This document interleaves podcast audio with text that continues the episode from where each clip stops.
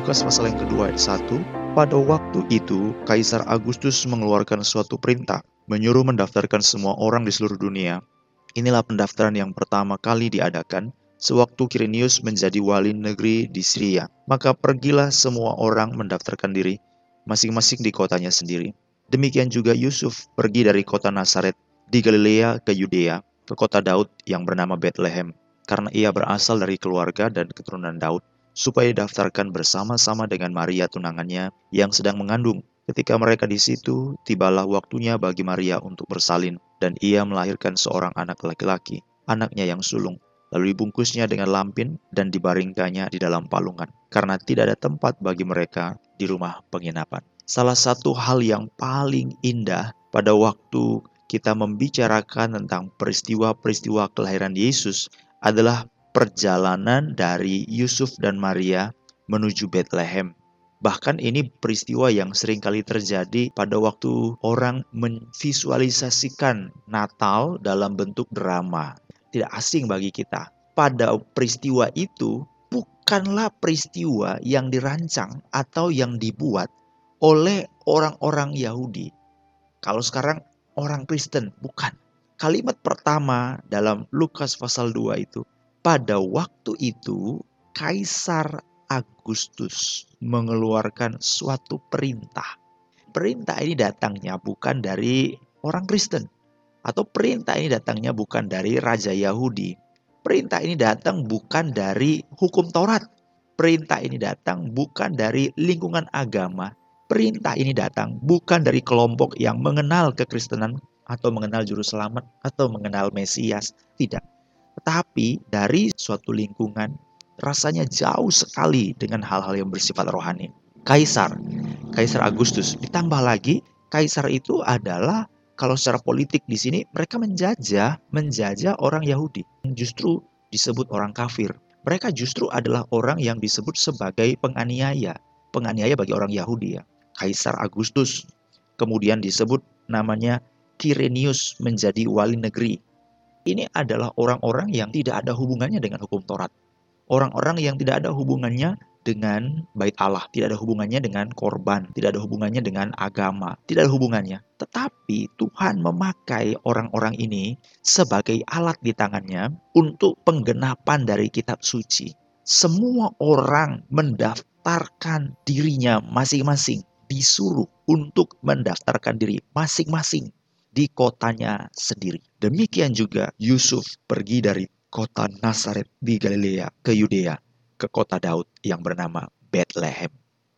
Bagi sebagian orang, ini adalah sesuatu hal yang rasanya kurang relevan, tidak berkaitan apa yang terjadi dengan dunia luar sana dengan keadaan iman dunia rohani. Tetapi tidak begitu dengan Allah kita. Bagi kita sebagai orang percaya, ini pun membuktikan tidak ada satu peristiwa yang kebetulan, segala peristiwa, apakah itu peristiwa yang ada dalam lingkungan bait Allah, di luar bait Allah, apakah berkaitan dengan hukum Taurat, tidak berkaitan dengan hukum Taurat, hal-hal yang berkaitan dengan pemerintahan, politik sekalipun, militer, peperangan, itu semuanya tetap dalam kedaulatan Allah. Allah lah yang berkuasa untuk menentukan segala sesuatu. Allah lah yang berkuasa untuk menentukan jabatan, pemerintahan, kekuatan, menentukan segala itu semuanya itu dari Allah berasal dari Allah. Hal yang harus kita pegang. 1 Samuel pasal yang ke-9 ayat yang ke-15. Tetapi Tuhan telah menyatakan kepada Samuel sehari sebelum kedatangan Saul. Demikian, besok kira-kira waktu ini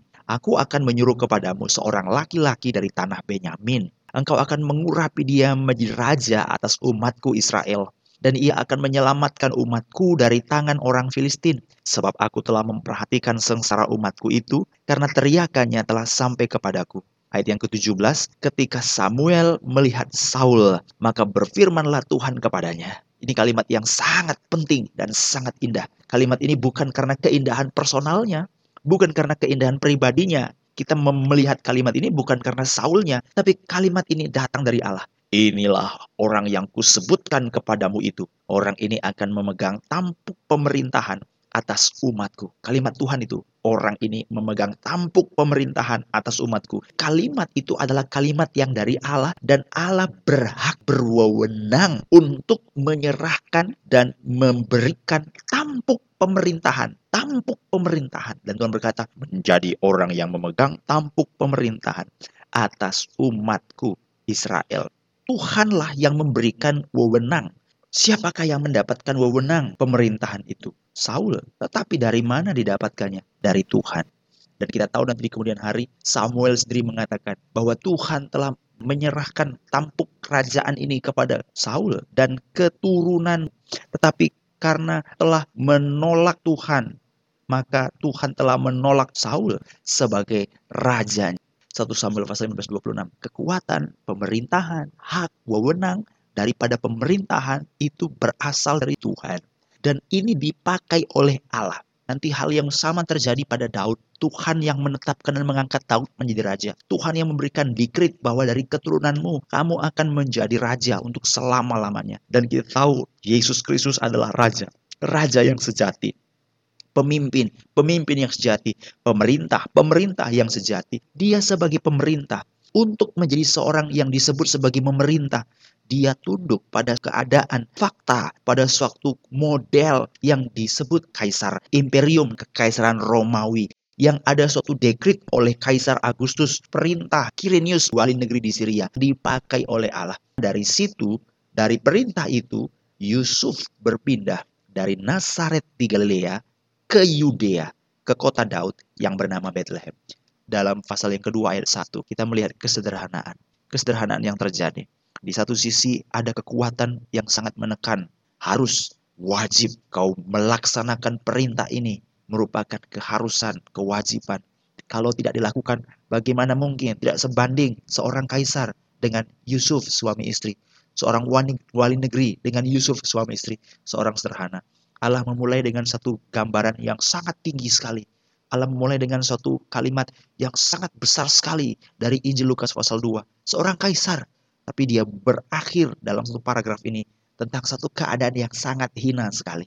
Suami istri, Yusuf Maria, yang berjalan dengan istri yang sedang hamil, yang sedang mengandung, dan tiba waktunya untuk bersalin. Tetapi sampai tempat-tempat di mana mereka ingin berhenti untuk beristirahat, tidak ada tempat bagi mereka untuk proses persalinan dan akhirnya mereka harus berhenti berhenti di kandang domba, berhenti di tempat yang sangat hina sekali. Kalau kita membaca dalam Injil Lukas pasal yang kedua, inilah tanda bagimu, kamu akan menjumpai seorang bayi dibungkus dengan lampin dan terbaring dalam palungan. Dan kita lihat pasal 216, mereka cepat-cepat berangkat menjumpai Maria dan Yusuf dan bayi itu yang sedang terbaring di dalam palungan.